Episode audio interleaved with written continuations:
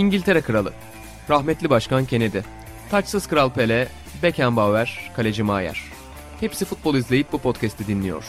Sokrates FC, denemesi bedava.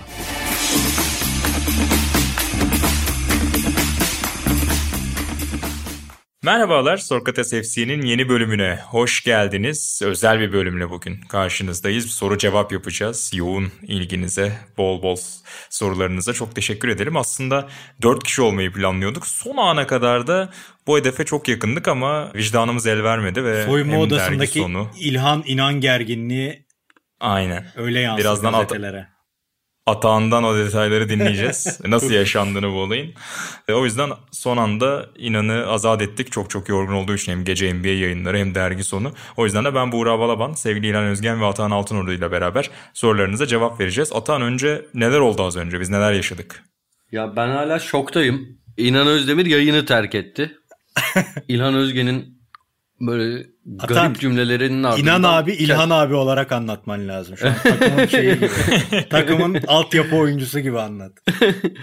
ya yok ben şoktayım. Şu an kelimelerimi doğru seçemiyorum. Bir saygısızlık edersem affola.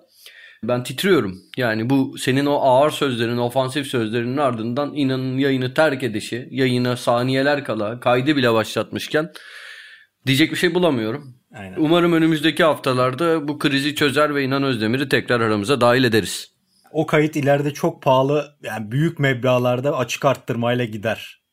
Yani İnan Özdemir'in o çekildiği 10 dakika sonra çekildiği an ben kaydımı o zaman kapatıyorum anı.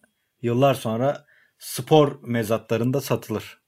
Kesinlikle. NFT'si yapılıp hatta dijital bir, bir ürün sanat eseri olarak da satılabilir. Peki, Ata ona ne diyorsun çok... ya? Sabatümer kahkahasını satmış falan ya. Bu dedim tam atağını sorulmalık bir soru dedim. Yani insanlar çıldırdı ben artık takip edemiyorum. İşte bu kadar. Bu kadar.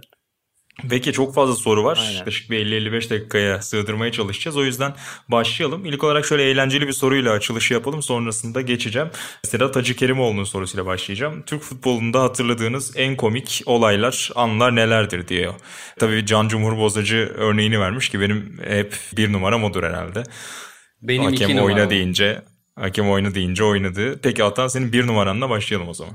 Abi bir numaram Nazım Sangare, Harun Alp Alpsoy röportajları. Bean Sports muhabiri önce Nazım Sangare'ye sorular sordu ama tercümanına doğru bakarak. Siz aşina değil misiniz bu ana? Evet, evet. Ter- sonra bir anda Nazım Türkçe konuşmaya başlayınca bir şaşkınlık oluştu. Hemen ardından Harun Alpsoy geldi. Harun'a Türkçe sordu. Harun bir anda Almanca konuşmaya başladı. Gerçekten muhteşem bir röportaj. Bir numaram odur. Üç numaramda hala ben bir ironi mi yoksa gerçek mi olduğunu tam olarak anlayamadım. Mehmet Özdilek kazandığı bir maçtan sonra önemli bir maç kaybettik ama henüz lig devam ediyor tarzı bir şey söylemişti. Muhabir hocam kazandınız deyince aa öyle mi pardon özür dilerim kazandık yola devam edeceğiz demişti. Ben ya bu şimdi bir yandan ironi yapılabilecek bir durum ama ironi yaptıysa da hiç bunu belli edemedi. Mehmet Hoca. Dolayısıyla o ana gerçekten çok gülmüştüm. Bir de yani bu biraz daha sağ dışı bir şey. Absürtlüklere bakarsak Türk futbolunda çok var. Ama Ünal Karaman'ın Trabzonspor'dan ayrılış sürecinde devreye giren emniyet müdürleri, siyasetçiler falan o olay çok komikti. Şey yani Oo. Trabzon Emniyet Müdürü taraftarlara herkes sakin olsun falan gibi açıklamalar yapıyordu. Bu anlar benim aklıma geliyor. Aman hocam gündeme de bir dokundu. Her programda dokunuyor inanılmaz bir şey. Ama abi hiç öyle bir niyetim yoktu. Hiç oralara girmedim. Anladım. Sakin, Birazdan sakin. gündemle de alakalı bir Levent Kırca sorusu var onu soracağım ama İlan yani bayağı bir anı saydı gerçi hatan sana çok Bırakmadı kalmadı ama. Şey, aynen zaten. Evet, senin aklına ne gelir? Hakkımızı yedi burada. Konu ben toplantılarında da biliyorsun. biliyorum ya. Konu toplantılarında da Kaan'ın böyle hakkını yer. Kaan'ın bütün konuları. Ben İlhan'ın İlhan'ın söyleyeceği anı tahmin edebiliyorum. Onu ona bıraktım. Sağ ol abi. Evet Tazameta Atan biliyor aynen. Tazameta, Diabeki ona yani hala açar, açar gülerim yani. Ve orada şey de güzel. Yani tercümanın Diyarbakır için Diyarbakır ile yani o eklemeleri ben ona da gülüyorum. Aynı şekilde işte şey gene bir tercüman Şota. vakası aynen o da muazzam bir olay. Bir de Werder Bremen Galatasaray maçında Almanya'daki maçın devre arasında şey var. Bülent Karpat biz onu Bülent Karpat abimize de anlattırmıştık. Bir tane gurbetçi vatandaşı buluyor. Piyontek'te röportaj yapacak. İşte o gurbetçi vatandaş soracak. Gurbetçi abimiz Piyontek'e söyleyecek sonra da röportaj gerçekleşecek. Ya şey heyecandan unutuyor. Yani Almanca ne diyeceğini unutuyor abimiz. Piyontek de Türkçe böyle Türkçe çatpat Türkçesiyle durumu anlatmaya çalışıyor. Galatasaray'ın ilk yarı iyi oynadığını filan. Orada Bülent Karpat'ın böyle bir şeyi vardır. Ritimle dans gibi bir hali alır ya böyle yani tamamlıyor bir yandan bir yandan bir şeyler yapıyor. Ona çok gülmüştük biz. Kutay'la dosyayı yaparken izlemiştik. Ona çok gülmüştük. E, Mustafa Denizli Hey Sexy Lady şey tezahüratı. Ona çok gülmüştüm ben. Çok nasıl bir bağlama. Aynen inanılmaz bir şeydi. Ama bir tazametadır yani. Tazametanın üstüne kimse çıkamaz. Muazzam olay. Ben de Aynen. Yani Cam Cumhur ve Tazemete benim için de ilk ikisi. Bir de bu seneden daha güncel örnek de şey çok komikti. Bir tane tercüman şimdi takım ve oyuncuyu unuttum ya. Belki Atan hatırlar. Klasik bir soru soruyor ama işte maç hakkında ne düşünüyor diye soruyor. Tercüman çeviriyor. Oyuncu da şey diyor. Bugünkü maçımı ya da yarınki maçımı soruyor. Tercüman da yok diyor haftaya önümüzdeki haftanın maçını. o gülüşme de çok iyiydi o samimiyet. Bir de Kompela'nın bana pezevenk diyoru vardır değil mi? O da Türk futbolu içine girer mi o da yani? Tabii canım girer ya. Kolibaliler, Kompelalar burada. Kolibali inanılmaz zaten. Kolibali akıl almaz şeyleri var. Akın abimizin televolede futbolculara yaptırdığı maymunluklar birçoğu girer. Tabii doğru. Ucu yok. Neyse buna ayrı bölüm de çekilir. O yüzden son alalım devam edelim sonra. Şey de geldi aklıma. Bir tane ikinci, üçüncü lig maçıydı bir polis telefonla konuşurken sahaya girmişti ya. kupa maçı inanılmazdı evet. ya. Ya kupa maçı mı? Şey Türkiye kupası maçı. Böyle dolaşa dolaşa gitmesi sonra özür Anladım. dilemesi. Hatta burada da akla Mustafa Denizli'ye yine Ali Güneş'i çıkan. Hocam. an polis Hocam. memuru da. o da bir Türkiye özeti gerçekten. evet bunlar bunlarla şimdilik geçebiliriz herhalde. Evet, evet, evet. Yani ayrı bir bölümde yaparız. Zaten dediğin gibi çok fazla böyle anı var. İkinci soruyu Avusturya Arşidükü kullanıcı adlı Twitter takipçimizden alıyorum. Şöyle demiş, futbolcu olsaydınız nasıl bir kariyer isterdiniz? Aynı takımda oynayan bir oyuncu mu yoksa dünyada vitrine çıkacak transferler yapan bir oyuncu mu demiş. Ben bir şey söyleyip hemen ilana vereyim. Galiba ikisi de istemezdim. Biraz daha böyle gezen hani aralarda çok fazla şehir takım değiştiren, farklı coğrafyalarda gezen o journeyman dedikleri Amerikalıların onu tercih edebilirdim herhalde. İlhan sen? Ya bunu Senior ne diyor da ilk sezonda cevaplamıştık galiba. Abi şehrine bağlı. Şimdi Giancarlo Antonioni, Floransa. Baba yani tamam sonunda kulüple bir anlaşmazlığı olup bir sene İsviçre'ye gidiyor ama olayı Floransa'dır. Şimdi Floransa gibi bir şehirde ömür boyu kalabilirim ya da Roma'da ya da ihanet edilmemiş İstanbul'da. Yani güzel şehirlerde her zaman ömür boyu yaşayabilirim ama gittiğin şehirlerde sıkıntı varsa senin kariyer seçimin bence gayet ideal. Mantıklı. Atan? Abi ben net bir cevap veremiyorum bu soruya. Bir yandan hani bayrak adam olmanın güzel bir şovu var. Yerine göre gerçekten mutlu mutlu mutlu da oluyorsam. ya Allah kahretmesin seni. Abi öyle ama şimdi yanlış mı? Mutluysam da ve hani değer görüyorsam orada gerçekten kendimi konfor alanımda hissediyorsam bir yere gitmem. Ben zaten öyle futbolcu da olsam pek kariyer hırsı olan biri olmazdım diye tahmin ediyorum. Hani işimi tabii en iyi şekilde yapmaya çalışırdım da yok şuraya transfer olayım, yok şu kadar para kazanayım. Ben de bu bakış açısı olur muydu bilmiyorum. Tabii elimiz para gördükten sonra başka bir bakış açısı getirebilir. Öyle bir adamdır ki gene Sencer'le ev arkadaşı olurdu futbolcu olsa. O kadar Öyle da değil tabii şimdi. Ha. Suyunu çıkarmamak lazım. Ama tabii ki Sencer'i ben benim hayalim ben burada bu podcast'te daha önce bahsetmiştim işte. Hep Arda Turan'ın en çok eleştirildiği yani ki hani birçok açıdan %99 açıların %99'undan ben de eleştiririm ama yok Barcelona'ya gitti işte Türk hayatı yaşadı arkadaşlarını evlere topladı yok teknede 101 oynuyor okey oynuyor falan bunlar benim hayalim ben öyle yapardım. Sencere'de bir ev alırdım yanıma. Size de Şimdi alırdım. Kabul ederdim. Hepinizin bir fiyatı olur muhtemelen. O kadar Hayda. büyük bir para olduktan sonra Hayda. öyle tahmin ediyorum. Yoksa Çok... yoksa inanı sen mi kaçırdın? Çılgın açıklamalar. Şimdi dinleyicilerde sebebi... Tabii dinleyicilerde bir soru işareti Hayır abi olabilir. sizi de mutlu edeceğim. Bana şartlar sunacaksınız. Buğra mesela diyecek ki ben işte geliyorum ama işte şunu da istiyorum yanımda. Şuna da bir ev açalım. Açarız abi. Yani öyle Barcelona seviyesinde topçu olduktan sonra ben isterdim ya hep beraber böyle hani en kötü böyle bir dörtlü beşli bir arkadaş grubumu. Bizim gencoları, çakanları, Eray kardeşimi. Ve bunlarla falan giderdim. Ben onlarla da daha önce yaptım bu pazarlığı ama tek eksik futbolcu olmayışım. Neyse konuya dönersek. Bu arada baba bizim fonksiyonumuz şey değil mi? Sabah evdeyiz. Akşam sen antrenmandan gelince okey masasına oturacağız. Başka bir işimiz Abi yok. okey Barcelona'da. değil başka birçok şey yapabiliriz. oyun Gideriz masası. senle progresif rock dinleriz. Gideriz senle Anladım. tatlı kaçıklar izleriz. Ha anladım. bir sürü tamam. şey yaparız. Senle Belgrad gecelerinde yaptıklarımız, yaptığımız Aynen. şeyleri yaparız. Aynen. Ee, birçok şey yapabiliriz. Ama tabii Anladım. bolca 101 oynarım. Maradona'nın klanı değil. var diyenler utansın işte. Bütün Aynen. büyük zihinler böyle yaşıyor demek ki. Abi bir yandan da şunu yapardım. Diyelim bayrak adamla oynuyorum, gidiyorum. Abi bir şey de bana ben cepte görülüp de haksızlık edildiğini düşündüğüm an en beklenmeyen anda vın giderdim. Deros, Derossi Boca Juniors. onu- Direkt evet. Atahan'ın yapacağı bir hareket. Onu, onu da yapmak isterdim. Tabii şey de güzel kariyer abi. Senin dediğin bir orada bir burada bir şu şehirde çok güzel yerleri var dünyanın. Amerika'ya transfer olmak isterdim ilerleyen yaşlarda. Hepsi güzel kariyer. Keşke futbolcu olsaydık. Daha bir de hani futbolcu olsak yapacağımız ne şovlar vardı ya. Fırsat değil. Futbolcu olup top benden çıktı demeyi, cumhurbaşkanı olup kırmızı ışıkta durmayı falan çok isterdim. Bedavadan şov bunlar. Sen, senin zaten Kanada başkanı büyük idolündür o konuda. Hayır abi o o o çok çirkin şov yapıyor. O yılların Anladım. e, ya o böyle 1-0-2'lik şovları yapıyor. Neyse. o babasından kalma tabii. Atan senin iyi cevap verebileceğin bir soru. İlk izlediğinde çok iyi olur deyip sonra çok kötü çıkan oyuncu var mı demiş Emincan. Abi milyon tane var ama ya şu an en şaşırdıklarımdan birini söylüyorum. İbrahim Akın. Ben İbrahim Akın'ın ya neredeyse belki biraz mübalağalı olacak ama Sergen Yalçın gibi bir şey olmasını bekliyordum. İyi mübalağaymış hakikaten. Ama gerçekten öyle bekliyordum. İbrahim Akın'ı ben aynı yıllarda İbrahim Akın ve Burak Yılmaz o ikisini çok çok beğeniyordum. Burak da önce biliyorsunuz uzun bir süre olmadı. Ben o ikisine çok şaşırıyordum. Aklıma daha çok Türkiye'den örnekler geliyor. En önde geleni İbrahim Akın çok büyük bir yetenekti. İkinci de Kemal Aslan.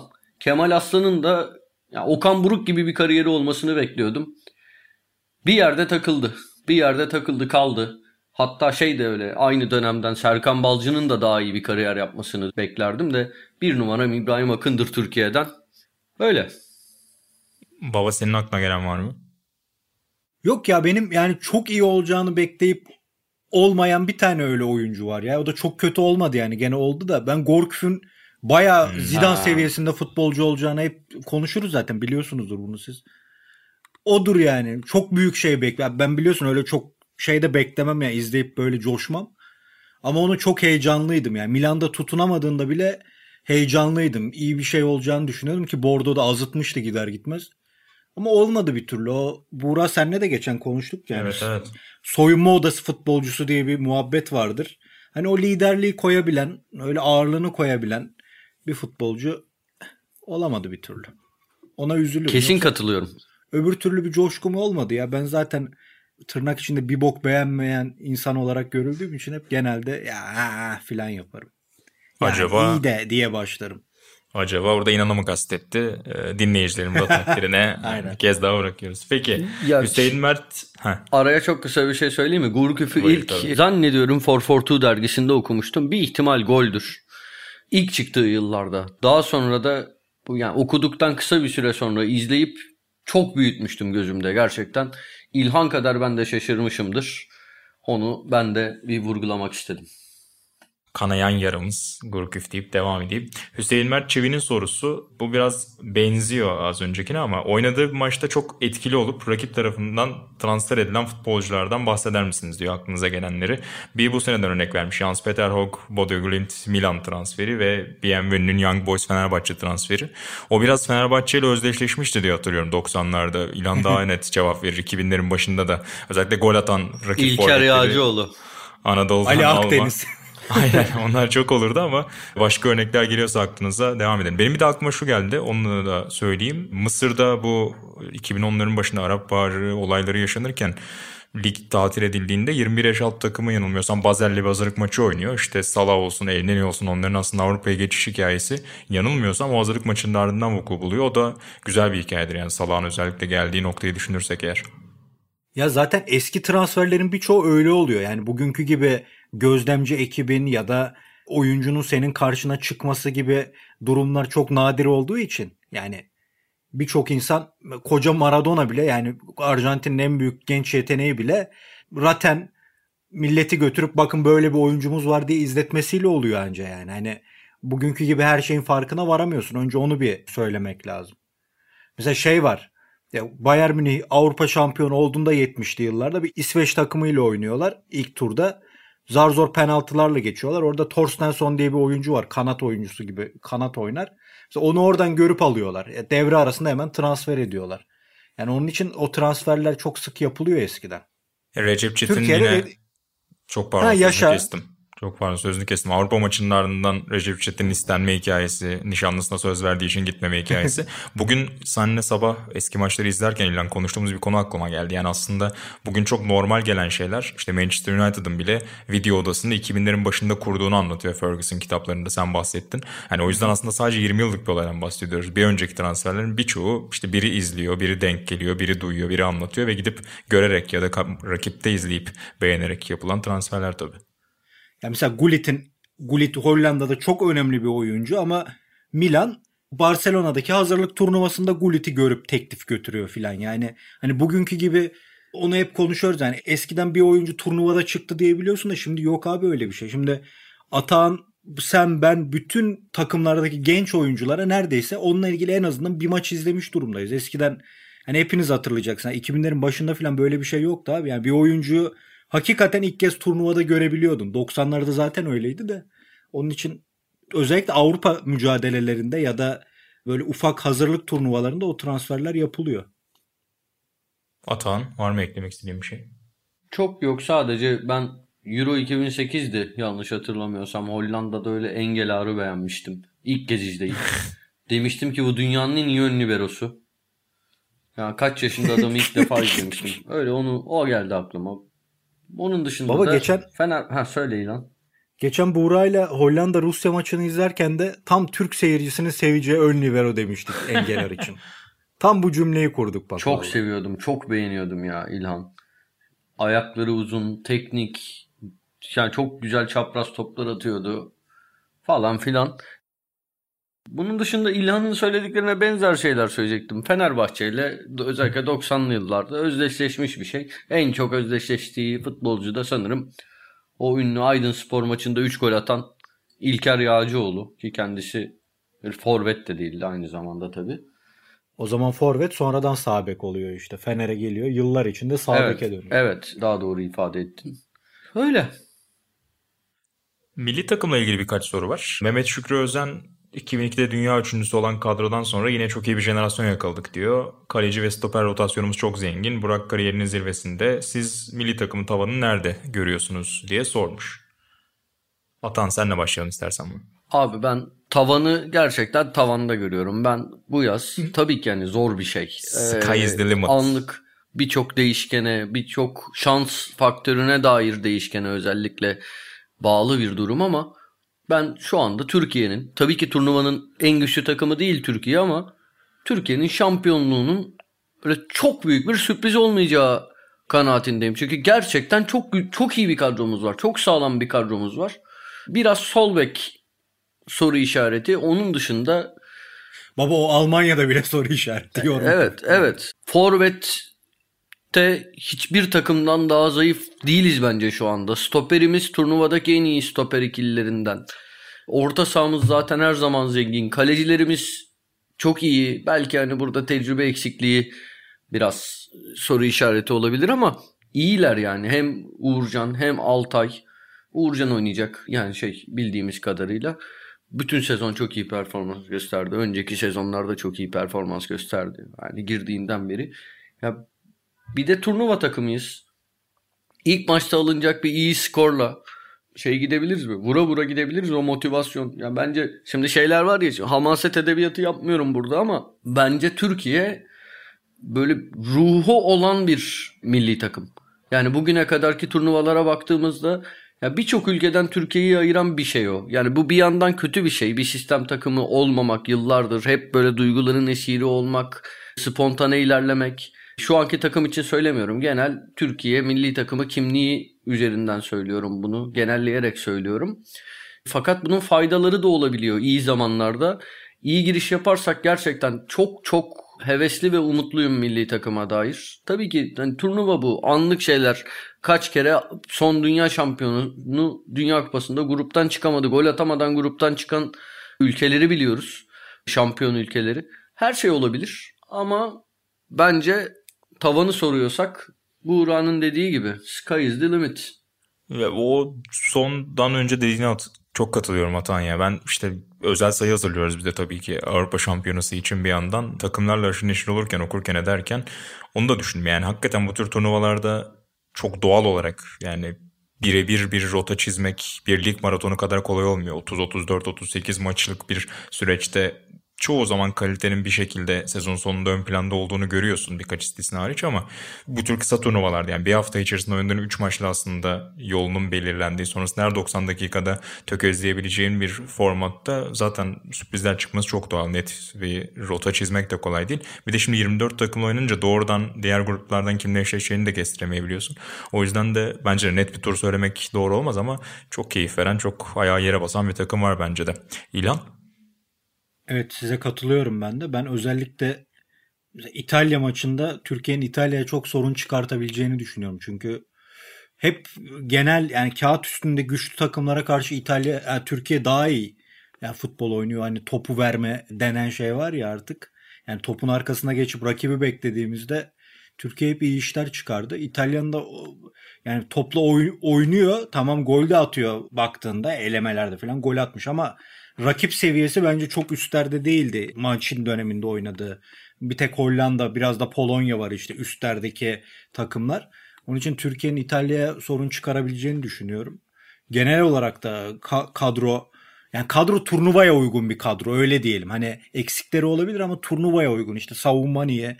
E, iyi formda bir forvetim var, iyi kalecilerim var. Bunlar hangi takımda olsa o takımı seviye atlatabilir turnuvalarda. E, o açıdan evet ben de size katılıyorum yani haklısınız. Aynen öyle. Hiçbir rota yani ulaşacağımız herhangi bir seviye bence de çok büyük sürpriz olmaz. Bağlantılı soru Emre Mete'nin sorusu bir pozisyonla alakalı. Son dönemde en büyük problem hep Santrfor oldu diyor milli takımda. Burak çok parlak bir zaman geçiriyor ama Dünya Kupası'na geldiğimizde diyor. Herhalde hani Burak'ın o dönemde formda olmayacağını ya da yaşıyla beraber artık çekileceğini düşünerek sormuş bunu. Cenk çok sakatlanıyor demiş. Enis gelişim gösteremiyor demiş. Sizce genç bir forvet bulup sürekli oynatmak doğru olmaz mı diyor. Altın Ordulu Enis gibi örneğini vermiş ama ya ben milli takımda o tür bir yetiştirici davranarak çok genç birine formayı teslim etmenin çok kolay olmayacağını düşünüyorum. Ona mental olarak da çok ciddi bir sorumluluk getireceğini düşünüyorum.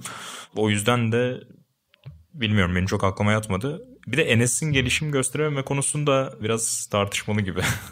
Kime atıyorsun pas? Buyur Atan ya fark etmez.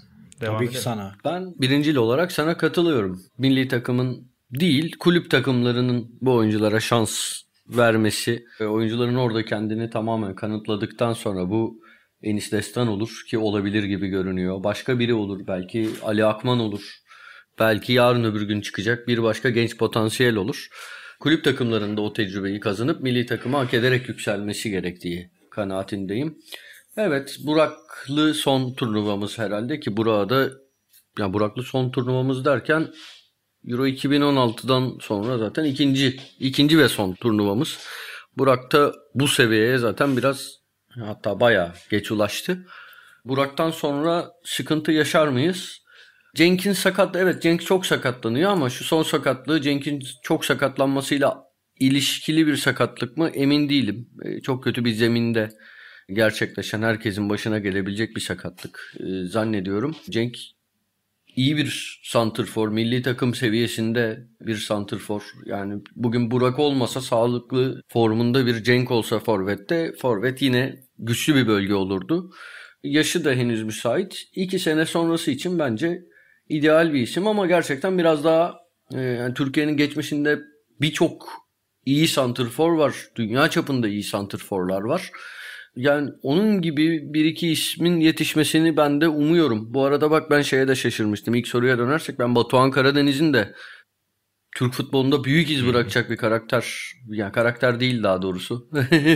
Ee, bir futbolcu. sağ içi karakter. O yanlış oldu. Olacağını düşünüyordum. Olmadı. Bu sezon oynadığı alt lig takımında bayağı bir gol atmış. Bunu da böyle detay olarak vereyim. Ya öyle bir çıkması gerçekten çok iyi olur. Şey olur mu? Enis Ali Akman. Ya o konuda ben kendimi yetkin görmüyorum. O seviyeye gelirler mi konusunda biraz daha izlemem lazım. Öyle. Ama şeye katılmıyorum yani. Milli takımda hep biri oynasın. Yok bu turnuvalara giderken zaten orada olmuş birinin en olmuşu kimse onun oynaması lazım. Katılıyorum. Ee, ve Burak'tan da henüz ben çok umudu kesmedim. Dünya Kupası için daha yakıtı kalabilir eğer hani tercih ederse de bu mental bir şey bir yandan da oyuncuların hani belki de bu kadar iyi bir sezon geçirmiş bir Avrupa Şampiyonası görmüşken Burak belki devam etmeyi kendi tercih etmeyebilir ama görünen o ki gayet üretken olabileceğini gördü. Bir de şimdi gecikmeden dolayı pandemi gecikmesinden dolayı hani bir ya 15 ay sonra falan aslında Dünya Kupası. Yani ha, 24 ay öyle. sonra değil. Hani aslında bir buçuk sezon sonra gibi. Ha, Kupa tabii değişmezse, değişir mi değişmez mi bilmiyoruz ama değişse bile zaten 2022 yazına alınır herhalde. Herhangi bir klasik e, alışıla gelmiş bir yaz turnuvası oynanacaksa. O yüzden hala Burak'ı görebiliriz. İlhan'a pas atarken şunu söyleyeceğim. Yani Enis diyor mesela aslında bence Şenol Güneş bunu zaten Enes Ünal'la yapıyor bir bakıma. Yani Enes'ten biz çok umudu kestik sanki olmadı gibi ama daha 24 yaşında bir yandan da. Ya 24 yaşında de... da o ya Enes'te öyle çok büyük bir potansiyel bence yok abi. Yani Enes'te yani şey Avrupa'nın orta sıra takımlarının forveti potansiyeli var. Yani Enes'in seviyesi bence şu anda olduğu seviye. Abi yani Enes hani Avrupa'nın orta seviye forveti de fena olmayabilir ya arka tabii, taraf tabii. iş yaptığında. Yani evet olmayabilir. Yani şey sırtı dönük top alıyor. Hani pozisyon bilgisi çok yüksek. Bilerek oynuyor gerçekten. Takdir ettiğim bir oyuncu ama milli takımın bir numaralı forveti biraz daha iyi olmalı diye düşünürüm. Ben bu ara biraz bunu düşünürken şey gibi geldi. Yani tabii ki başka birileri de çıkabilir ama eğer hani en iyi alternatifimiz Enes olacaksa hani evet sezonları 20-25 golle geçiren bir golcü tipinden ziyade işte Fransa'nın Giroud'u kullandığı gibi hani arkadan bizim Yusuf'u, Hakan'ı, Kenan'ı ikinci forvetler gibi e, onları alan açacak bir yardımcı forvet gibi kullanabiliriz aslında Enes önünde. Eğer hani kariyeri ona evrilir ya da milli takım onu birinci forvet yapmak durumunda kalırsa önümüzdeki Katılıyorum süreçte. da işte Giroud, Giroud çok az. Yani Giroud gerçekten çok az. Çok az futbolcu var. Giroud o işin yaptığı işin dünyada en iyisi. Giroud hayranlık ya model yani. olarak söylüyorum. Ya, ya işte o seviyede olmadıktan sonra o futbolcu ya Enes artık o kadar da genç değil. Tamam hani genç. Yani bir yandan dersin bu Enes daha 24 yaşında demek normal. E, ama yani 24 yaşında da İspanya'nın alt sıra takımlarından birinin as forveti bile değil. Çoğunlukla yedekten giren. Bilmiyorum işte. Benim şeyim çok büyük beklentilerim yok Enes'ten. Bakalım. İlhan sen... Ya bu dergi Hı. iki gerginliği kaldırmış. Aynen bugün sanki. nedir böyle Merkür Retrosu'ndan... Gerginlik yok. Gerginlik yok. Bilekis bu arada çok takdir okay. ediyorum. Ben Enes'e büyük bir sempatim de var. Çok güzel bir yol seçti. Açıklamaları çok güzel. Tarzı çok güzel. Birçok insanın örnek alması gereken bir kariyeri ve kimliği var, karakteri var bence. Ama futbolu Anladım. ne bileyim Buğra'yla biraz gerildiniz gibi geldi. Ya Buğra bilmeden konuşuyor İlhan. bilmeden konuşuyor. Yani Anladım. böyle konu İlhan İnan'ı geri çağıralım gelsin. O, o onu çağıralım yani. O onunla yapalım podcast. İlhan sen e, genç bir oyuncu milli takım alıp onun üzerine ya, fikrine ne diyorsun? Siz sabah beri e, birbirinizi kırarken ben de onu düşünüyordum. Abi böyle bir milli takım var mı? Yani sorun yaşadığı yere genç bir oyuncu koyup onun üzerine deneyen, uğraşan yani o genç oyuncu acayip bir şey yapmadığı sürece hele turnuvalarda zaten bir yere girdiğini de hatırlamıyorum hiç yani. E, uğraşalım en azından öbür dünya kupasını düşünelim. Ne bileyim yani garip bir çözüm o. Yani hiçbir milli takım bunu yapmaz. Hele bir de Burak Yılmaz gibi bir oyuncun varken şimdi hani beğenirsin beğenmezsin de adam formda. Hani bunu denemek bilmiyorum. Çok mantıklı gelmedi bana. Aynen. Diğer oyuncu, yani Türk milli takım oyuncularının diğer form durumları şu bu. Sizin yanınızda bir şey demek haddime değil. Estağfurullah. Estağfurullah. Devam edelim. Bu sezondan bir soru gelmiş. Lig bağımsız yani herhangi bir ligden olabilir demiş Mehmet Oya'nın sorusu. Size en çok tatmin eden, en hoşunuza giden maç hangisiydi diyor. Ben Bayern Paris Saint Germain ilk maçı ilk şu anda aklıma geldi. İlhan var mı aklına gelen bu sezondan? O olur. Haklısın. Biz ama yani ben o kadar çok bir de Euro yüzünden ya günde böyle 6 maça falan çıktım. Ya seninle geçen izlediğimiz Gladbach Münih maçı misal öyle bir maç ben bu sezon izlemedim. Onu 74. diyeyim yani. Aynen inanılmazdı. Avrupa şampiyonalarında da var öyle izliyoruz. Sezon içinde dediğin gibi Şampiyonlar Ligi o olur. İtalya Ligi'nde de 2-1'lik bir Roma Milan maçı vardı. 3-3'lük değil ama. 3-3'lük olan skoru güzeldi ama sıkıcı bir maçtı. 2-1'lik olandan çok zevk almıştım. Onu hatırlıyorum sezon içinde. Yani sık izlediğim lig olarak İtalya söyledim. Yoksa futbol orada oynanıyor gibi bir mesajım yok. Yani. ben ilk sana katılıyorum. Bayern Paris Saint Germain hatta iki maçı da söyleyebilirim. İki maçtan ayrı ayrı sebeplerle çok keyif aldım. Fenerbahçe Beşiktaş maçı 4-3'lük. O da çok güzel bir maçtı.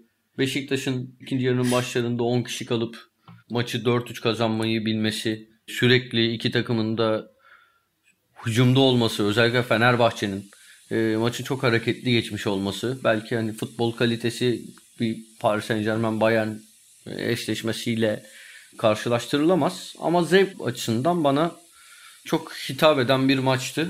Bu 2-3 maçı söyleyebilirim. Bir de Ajax'ın Fenlo'yu 13-0 yendiği ma- maçta çok keyifliydi bambaşka bir açıdan. Böyle. Ajax fanatiği olduğu için Atan tabi. Cruyff, yani, Cruyff gene. Yani, FC dinleyenler iyi bilir. Cruyff'un vefatından sonra Fahri Başkan Atan tabi gururla takip etmiş evlatlarını. Bir de meşhur telefon rehberi vardı. Sayısız yani. Hollandalı'nın bulunduğu. Ya bu, bu ay Aaron Winter'e mesaj attım röportaj için. Hatta iki kez attım ama hey Aaron. okuyup okuyup cevap vermedi bana. Vay, Mr. Vay. Winter. Şekilde başladı ama maalesef. Peki. Ata Tanju... senin bazen patavatsızlık ha. sınırında şakaların olur ya öyle bir şey yapmadın değil mi adama ismiyle ilgili filan? Yok canım çok saygılı dergimizi tanıtan daha önce yaptığımız önemli röportajların bir kısmını referans olarak gösteren bir mesaj attım. Ee, Cevap Kemal gelmeyince ama... Kemal Yıldırım can yayınları. Öyle bir giriş de olabilir. ya cevap, cevap gelmeyin ha. Cevap gelmeyince de şey dedim hani unutmuş olabilirsiniz e, diye hatırlıyorum. Rahatsız etmek istemem ama hani yapar mısınız falan. Hatta şu an girdim baktım ne yazmışım diye. Çevrim içi hala. Ama bana cevap vermedi. Titreşim at bir tane. Kendi, kendi kaybeder. Aynen. Ben şey ben... bekledim cevap atmayınca. Eğer bize röportaj vermezseniz baharımız kışa dönecek şeklinde bir kelime oyunu gelir mi? Aras olsa yapardı onu. Aynen. Arası yakışırdı. Peki Ahmet Gül'ün sorusu sizce hangi tarihsel olay futbola doğrudan çok büyük bir etki bırakmıştır diye çok genel bir soru sormuş. Offside yani. ha, kural değil. Hayır hayır. Of Ama o şey galiba tarihi olaydan bahsediyor. Tarihi olay yani atıyorum ikinci, ikinci Dünya Savaşı, Sovyetler Birliği'nin çöküşü falan gibi. Ha. Avrupa Birliği'nin e, ortaya çıkışı gibi. Ya Bosman olabilir. Oradan yani. herhalde Bos. Ha, şimdi onu diyecektim. Bosman'a gider herhalde. Ama Bosman da futbol olayı aslında. Ya aslında bir hukuki olay. Evet. Çalışma izni üzerinden. Çünkü Bosman'la Avrupa Birliği'ni de bağlıyorsun. O sonra Avrupa Birliği yasaları içine giriyor. Oradan Avrupa Birliği yetkilileri altyapı oyuncularının transferiyle ilgili yeni bir madde ekliyor. Yani iş baya siyasi, politik bir duruma geliyor yani. Onun dışında ne olabilir? Ata'nın dediği gibi yani büyük ıı, Doğu bloğunun dağılması olabilir. Haklı. Ama onlar da o kadar etki bırak yani hala etkililer abi bence onlar da. Ya orada biraz fazla romantik davranıyor gibi insanlar. Belki biz de davranıyoruz ara ara. Şimdi Yugoslavya yıkıldı ya. Yugoslavya yıkılmadığında zaten Dünya Kupası finali falan oynamıyordu yani. Ama Hırvatistan epey kupayı çok tehlikeli takım olarak geçirdi. Ruslar futbolda tamam hep güç güç şu bu da yani Rusların da futbolda bir şey yok. Daha çok basketbol ağırlıklı başarıları vardır. E hala Rusların değil mi Buğra? Yani Rus takımları hala güçlüdür basketbolda. Ben izlediğimde güçlüler de hala yani. Moskova'sı falan ya da Rus milli takımı. Tabii tabii. Bu sezon iki tane işte ilk 8'e giren takım çıkar e, zaten. Sovyet döneminde orada. temelini Litvanyalılar oluşturuyor. Litvanya basketbol dedim mi zaten orada bir dino. Yani o bıraktıkları spor mirasları bence o ülkeler tarafından hala hiç de fena işlenmiyor. Ha Yugoslavya'da... Yandan... Ha, buyur Atancı. Yok yok lütfen devam et. Ya, Yugoslavya'da dediğim gibi yani hani Sırplar tamam kötü milli takım olarak ya da işte Slovenler ama bireysel oyuncu yetiştirmede iyiler. Milli takımda da Hırvatistan gibi bir e, taşıyıcı o topraklardan bir ülke var. Gene de hiç fena değiller gibi. Bilemedim şimdi yani. Bir yandan da iki Almanya'nın birleşmesine sebep oldu. Tabii. Öyle de bir öyle de bir durum var. Ama Peki, zaten arada- Almanya güçlü bir şeydi, Evet, yapıydı. evet, evet. Peki koronavirüsü nereye koyarsın? Sence futbol tarihini değiştirecek bir etkisi oldu mu koronanın? Yani şu ana kadar oldu mu sence? Bence olmadı. Bence de yani. Peki İlhan yani tarihsel hani biraz yakın tarih ama atıyorum Thatcher yönetimi gibi bir şeyle bakıp işte Premier Lig'in kuruluşuna giden süreç orada paranın tekelleşmesi 20-25 yıl içinde çok ciddi bir makas açması diğer hani elit liglerle bile arasında Premier Evet. Lig'in gibi belki Thatcher yönetimini yakın tarihten Ama orada da holiganizm başa çekiyorsun. Gene futbol geliyor yani. Hani Evet doğru. gene Atağan'ın şeyi takılıyoruz. Atağan'ın o da futbolla ilgili dedi ya ve bizi kontr, kontrpiyede bıraktı. Hani Thatcher'ın da ana savaş şeyi yani bahanesi diyelim ya da ya da o başlık altında olayları değiştirme girişimi holiganizm üzerinden. Gene futbolla tamamen futbolla ilgili.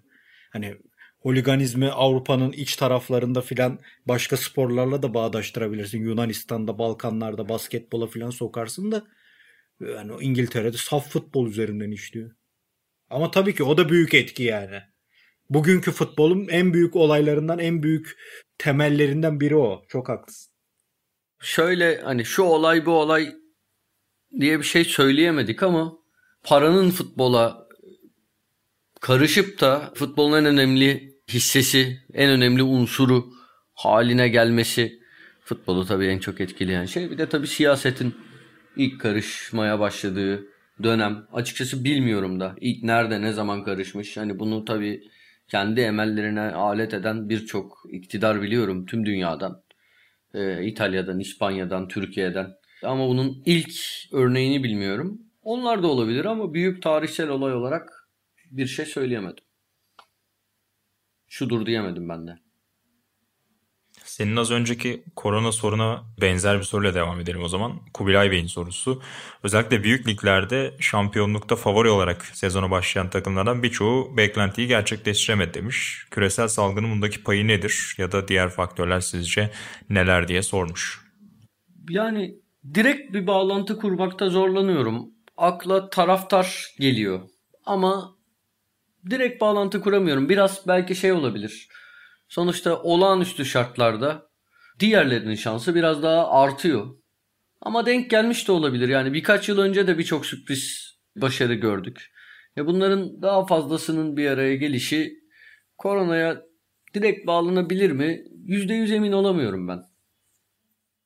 Genişçesinde şuna bakabiliriz gibi geliyor Atahan dediğin konuda. Yani sonuçta büyük paralar harcayan işte dev kulüplerden bahsettiğimizde bunlar hem oyuncu yeteneği anlamında bütün parayı harcayıp olabilecek en iyi kadroyu kurmaya çalışıyorlar. Bir yandan da işte fizyoterapisti yani yan faktörlerde de kontrol edebilecekleri her şeyi en iyi şekilde kontrol etmeye çalışıyorlar.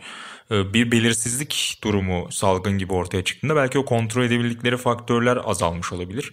Birincisi bu aklıma geliyor. İşte atıyorum en iyi kondisyon yöntemleri de Paris Saint Germain'deydi sallıyorum. Ama elit şekilde uygulayamadılar. Çünkü geçen yaz geç bitti. Şu oldu bu oldu. O yüzden de aradaki makas bir anlamda daralmış olabilir. Bu bir örnek. İkincisi de bence büyük takımların ne olursa olsun hani müthiş seyirci oynayanlar da biraz daha az olanlar da sonuçta oyuncuların hakemler üzerinde bir etkisi oluyor. O yüzden de taraftar olduğunda stadyumda bence büyük takımların e, lehine çalınan düdüklerin sayısı artıyor.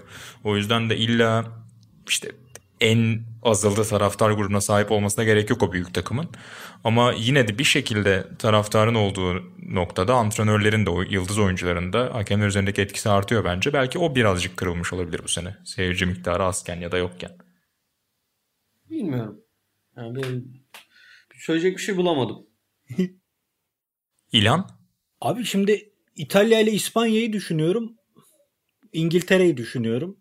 Bence İngil yani İngiltere zaten sürpriz değil de İtalya'daki de sürpriz değil zaten. İtalya'da olması gereken oldu. Ya İtalya'da herkes Juventus uçuyordu, kaçıyordu. Pirlo geldi küme düşürme seviyesine getirdi gibi bir algı oluyor. Juventus zaten yerlerde bir takımdı. 3-4 senedir Atahan'la zaten yan yana maç izlerken habire sayıyorduk Juventus izlerken. O kadar statik oynuyorlardı ki oyunu. Bir algı operasyonu mu yapılıyor İlhan? Abi yani çok garip. Ben ona çok yani tamam kötü antrenör de olabilir. Yani ben menajeri değilim, oğlu değilim. Bana ne de. Yani abi futbolu yeni keşfetmiş gibi anlattığımız Sarri de Lyon'a elendi geçen sene Juventus'ta yani. Allegri de eleniyordu son döneminde. Juventus'un baştan yapılanması gereken bu yapılanmayı kurarken de futbolun temeli olan orta sahasına dozer geçirmesi gereken bir yapıda. Bu yıllardır zaten artık ben kafanızı şişirdim ya. Maldini sol bek bir bu iki.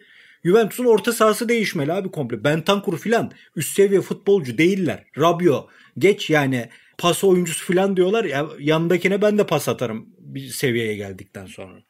Yani Juventus'un bu yapılanmaya girmesi lazım. Öbür tarafta Inter dediğin takım. Geçen Buğra ile Inter maçı izliyorduk. Abi Vecino bu sezon doğru düzgün maç oynamadı. Şu anda herhangi bir takıma fark yaratabilir. Formsuz durumunda bile. Böyle bir orta saha kadrosu var. İleride Avrupa'da en formda 2-3 santrfordan biri var. Yani Inter'in kadrosu zaten çok iyiydi. Bence bir sürpriz değil bu. Şey de İspanya'dakini şöyle diyebiliriz. İspanya'da da biraz bence Juventus'a benzer bir durum var. Yani büyüklerin artık çok çöküş dönemi ya. Real Madrid'de Barcelona'da yeniden bir yapılanması gerekiyor gibi. Oradan da Atletico Madrid çıktı. Gene ki zaten son 10 yılın Avrupa'daki en başarılı 10 takımından biri olabilir. Şampiyonlar Ligi'nin gediklisi. Orada başına bir ton takımın bela olur. E, ligde şampiyonluk çıkarmış. Bir tek çok fena bir masal olarak şey var bence. Lille var yani. Lille ve Sporting Lisbon üzerinden muhtemelen ha, sorular Portekiz gelmiş. Portekiz Ligi'ne özür dilerim. Ertuğ'un sorusu değil mi bu? Ondan özür diliyorum. Portekiz Ligi'ne dair bir şey bilmiyorum ben. Öbürlerini takip ettim kadarıyla şey yaptım. Yani Lille, evet Lille büyük iş. O, onun da herhangi bir açıklaması bilmiyorum. Yani Lille'in de o bağlı soruyu da sorayım. Gürhan Bey'in sorusu. En sürpriz şampiyonu kim oldu sizce diyor. Sene başında birinci şampiyon adayı olarak yazmadığımız İyi, değil. Sporting, Atletico, Inter, Beşiktaş yazmış. Bence de %100. Yani Sporting'in de hikayesi çok özel ama Lille yani karşıda Paris Saint Germain gibi bir titan varken kim olsa çok büyük olay olacaktı. Hele Lille yani 35'lik Burak'ın böyle bir şeye dönüşeceğini herhalde kendileri de tahmin etmiyordu. Ona da belki Paris Saint Germain hani ne olmuş olabilir diye sen biraz sesi düşündün az önce diğer ligler için. Paris Saint Germain de yani sezon arası doğru düzgün yapamadı. Yani geçen sezon Lig 1'de erken bitti. 3-4 ay top oynanmadı. Sonra bir kupa oynandı. Sonra bir Final 8'i oynadılar. Son 8'i kupada ve Ağustos'ta oynandı yanılmıyorsam değil mi o Portekiz'deki turnuva. E ondan sonra yeni sezon başladı. Yani orada da biraz o sezon öncesinin problemini yaşamış olabilirler. Bazı oyuncular bunu anlatıyor çünkü. Yani sezon öncesi o Avrupa Ligi ve Şampiyonlar Ligi de, devam ettiği için orada oynayan oyuncuların sezon öncesi kampında çok ciddi problem yaşadıkları. Yani tam hazırlanamadan aslında maç oynamaya başladıkları sonrasında sezona girdikleri biraz anlatanlar vardı. Aklıma o geliyor. O bir ihtimal olabilir tabii. Benim için sürpriz Alman Ligi'nde başka takımın çıkması olurdu. Lille'in başarısını geçecek kadar. Orada başka biri şampiyon olsa derdim ki Lille'den daha büyük başarılar ama yok. Evet o pek olmuyor. Inter'in şampiyonu bence ya Inter şampiyon olamasa sürpriz olurdu. Yani Şubat ayında falan galiba podcast'te söylemiştim. Şampiyon artık Inter diye. Yani eleştirilecek şeyleri var ama ne oynadığı amacı belli olan tek takım neredeyse şeydi. İtalya ve kadrosu çok iyi abi. Çok iyi yani. Onun için normal bir şeydi o. Çok izlediğim lig üzerinden konuşuyorum. Onun için. Katılıyorum. Atan sana bir soru soracağım. Atakan Türk Yılmaz'ın sorusu. TFF birincilik playoff'undan örnek vermiş. Altay Altın Ordu'dan biri bir İzmir takımı Süper Lig'e gelecek demiş. Sizce lige yükselecek takımın kalıcı olması için nasıl bir yol izlemesi gerekir diye bir reçete istemiş senden. Aynı zamanda favoriniz ya da sempati duyduğunuz bir takım var mı bu ikisi arasında diye de eklemiş. Ya şimdi Altın Ordu çıkarsa eğer zaten çok kalıcı olma beklentisiyle çıkmayacak. Buna yönelik bir plan yapmayacak. En azından Başkan Seyit Mehmet Özkan'ın açıklaması bu yıllardır ben çıkmak istemiyorum diyor. Çıkarsam da o katılım parası yayın hakkından alacağım gelir. Benim çok işime gelir diyor. Yine futbolcu yetiştirmeye zannediyorum devam edecekler. En azından bugüne kadar söyledikleri bu. Ama öyle bir takımı Süper Lig'de görmek, o oyuncuların Süper Lig seviyesinde tecrübelenmesi daha olumlu mu etki eder diye tabi düşünmüyor değilim. O açıdan tabi Altın Ordu'nun çıkması yararlı olabilir gibi geliyor. Bir yandan da Altay hem köklü bir kulüp hem yani taraftarı var. Geç, yani geçmişi olduğu gibi e, özlenen bir kulüp. Uzun yıllardır göremedik Süper Lig'de. Çocukluğumuzun takımlarından.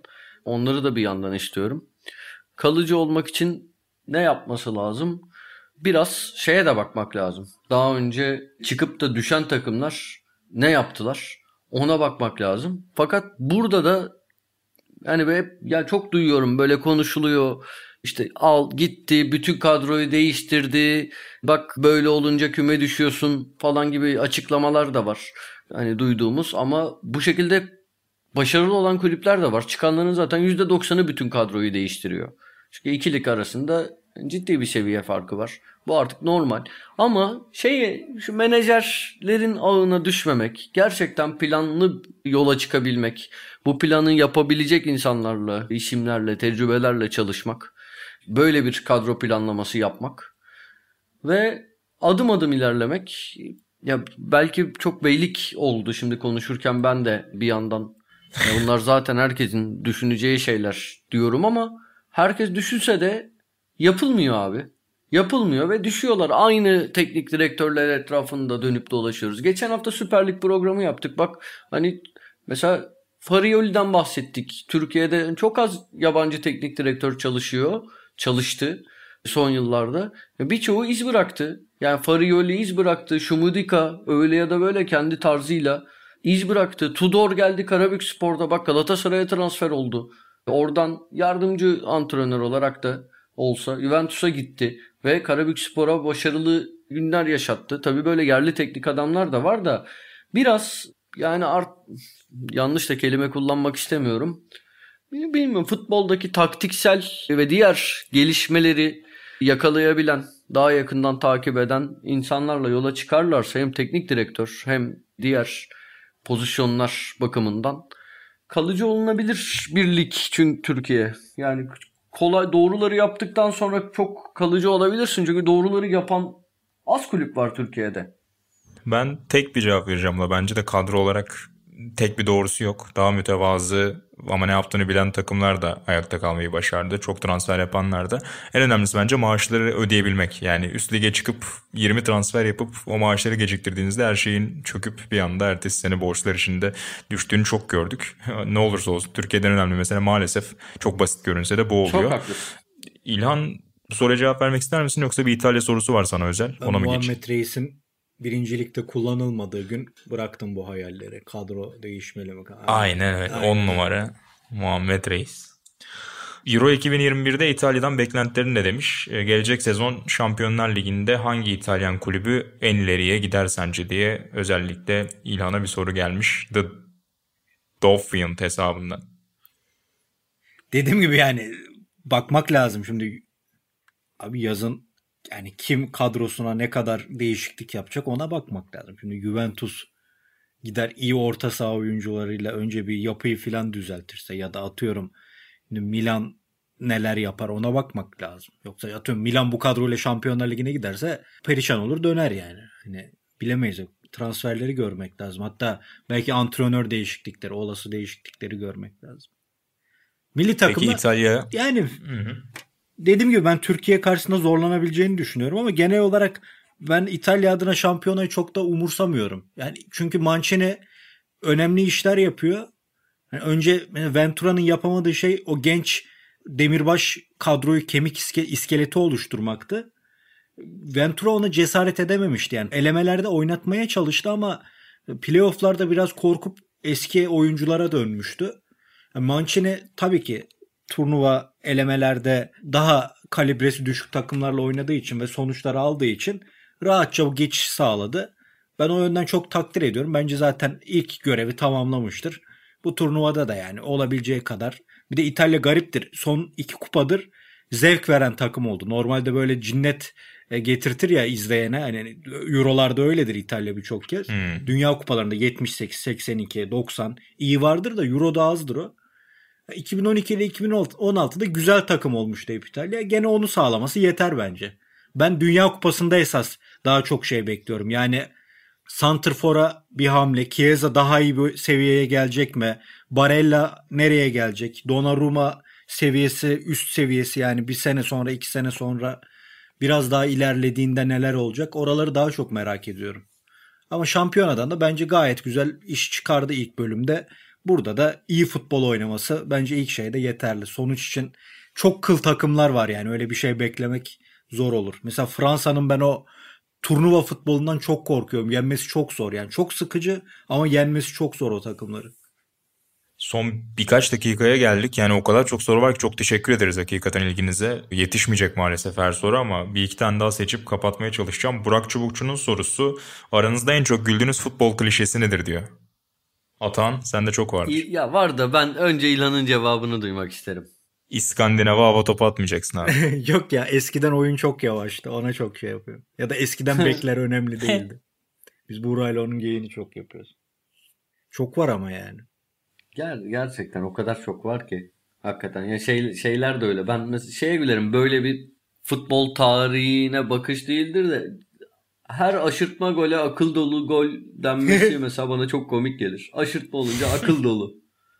Aşırtma olmayan gollere hiçbir zaman akıl dolu dendiğini görmedim. Bir tek belki şeye denmiştir. Ronaldinho'nun Chelsea'ye attığı gole denmiştir. O da aşırtmanın tam tersi zaten. Çok var yani şey. Evet hücuma katılan savunmacılar falan o muhabbet de komik geliyor bana. Yani libero gibi buna özel bir aslında geçmişte rol varken baktığında. Aynen. Onun da yine çok yeni bir aksiyonmuş gibi anlatılması da komik geliyor. Çok var ama hakikaten. Bir iki tanesini almış olduk erken gol hareket getirir. Ben bunu her maç izlerken söylerim. Mesela Atahan'a da Buğra'ya da böyle bir klişe. O iyi klişedir. Başka ne var? Atan peki iki güzel var, girse gol. iki güzel harekette aşırtmadaki gibi bir ezber var mı? Abi iki güzel hareket güzeldir ama ya. Yani Anladım. gerçekten iki güzel hareket olduğunda söylenir. Orada bir yorum çok yok. Hani güzele güzel deme yorumu var sadece. Severim ben. Ya mesela şey olur yani bozuka gibi vurur herif ama yani kaleci üstüne gelse de böyle topu çelmeye daha odaklı kaleciler vardı ya tutmak yerine çeler. Yani öyle bir abimiz de vardı eskiden Türkiye Ligi'nde oynayan. Hani aslında ortada güzel bir hareket yoktur ama o çok şık gösterir kurtarış. Aslında basit bir kurtarıştır. Hani orada iki güzel hareket tam olarak oluyor mu? Ben onu hep yargılıyorum. Haklısın. Haklısın. Hak verdim sana. Teşekkür ederim. Ben teşekkür ederim. Ya bir de yani klişe şu klişe sayılır mı? Bu böyle bir yorumcu, spiker klişesi falan değil ama zaman geçiren futbolcuya hakemlerin hep saatini göstermesi ama yine de zaman geçiren futbolcunun sonunda amacına ulaşması. Hakemlerin genel IQ'sunun bunu engellemeye, gerçekten o süreyi sona eklemeye yetmemesi benim yani güldüğüm değil ama en dayanamadığım futbol klişesi sayılır mı bu? Her maç gördüğümüz Sayılmaz bir şey Sayılmaz mı ya? Sen söylersen sayılır. O zaman kapanış yani. sorusuna aynen yine 7. Kapanış sorusuna geldik maalesef. Yani çok da güzel sorular var bir yandan içim acıyor ama belki ayrı bir bölüm yaparız ileride bunları da değerlendireceğimiz. E hazır Atahan'a özel bir soru soracağım. Sevgili İlan izninle kapanışı onunla yapacağım. Her zaman öyle olmalı zaten. Hadi bakalım. Türk lirasının da %1 değer kaybettiği bir günü geride bırakırken Özenç'in sorusu Süleyman Soylu'nun ilk 45 dakikalık performansını tarihteki hangi 45 dakikalık oyunda bir tutabiliriz demiş Atan. 90 dakika vereyim mi? Lütfen. Euro 2008 Fransa-Romanya maçı. Sadece topun çevrildiği, başka hiçbir şeyin olmadığı, hani maç diye oturup bambaşka bir şey izlediğimiz. Hani hayatım boyunca unutmayacağım bu maçı hatta hep bu maçla birlikte şeyi anıyorum ben. Ozan Can'ı anıyorum çünkü hani aynı zamanlarda ikimizin de aynı oranda aklımızda kalmış. Daha zannediyorum tanışmadığımız bir dönemdi. Yani hayatımda izlediğim en bayık maç ve çok büyük beklentiyle oturmuştum. Çünkü ya Fransa neticede bir yandan da Romanya'nın yani ondan önceki birkaç yıla oranla biraz daha iddialı gittiği bir turnuvaydı. Daha turnuvanın ilk günleriydi. O grubun ilk maçıydı. Çok büyük bir hevesle oturup yani dayanamadığım bir maç olmuştu. Futbola dair hiçbir şey olmayan, vaat ettiğine hiç neyse anlattım ya. Laf salatası yapmayayım şimdi. Bak maç o kadar sıkıcıydı ki ben genelde hep şeyimiz vardır ya. Maç çok güzelse nerede izlediğini hatırlarsın gibi bir geyiğimiz vardır bizim. Ya maç o kadar kötüydü ki ben nerede izlediğimi hatırlıyorum bak ya. Yani o, ters etki. Taksim'de Robin Hood diye bir bar vardı. Şu an var mı bilmiyorum. Orada küçücük bir yerde orada içip maç izleriz demiştik. Ya o kadar sıkıldık ki içmedik bile. Yani hakikaten Atahan'ın anlattığı kadar maçtı cidden. Yani bazen Ata mübalağa ediyor çünkü kalitesi futbol varsa çok kızar biliyorsun Tabii. ama burada sonuna kadar haklı. Cidden berbat bir maçtı. Galliano bir Atahan 2 asla tahammül edemezler. Kötü futbol.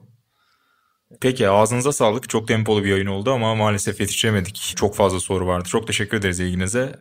Önümüzdeki süreçlerde yine ara ara belki bu tür soru cevaplar yaparız. Ben Buğra Balaban, sevgili İlhan Özgen ve Atan Altınordu ile beraber bu bölümde İnanı, sizdeydik. İnan maalesef İnan olamadık. Kendisi maalesef İnan'ı evet küstü. son anda kaybettik. Ee, o varsa ben yokum anı... dedim. Aynen öyle. Ultimatum. İnan'ı da burada anıyoruz. Kendisi de gereken cevabı verecektir Tanju önümüzdeki Çolak'la bölümlerde. Oğuz Çetin'in forma kavgası gibi bir durum oldu. Yıllar sonra Atahan Altınordu ve İlhan Özgen'e röportaj vereceğim ve her şeyi anlatacağım. Tüm gerçekler önümüzdeki bölümlerde ortaya çıkacak. Biz dinlemeye devam edin. Hoşçakalın.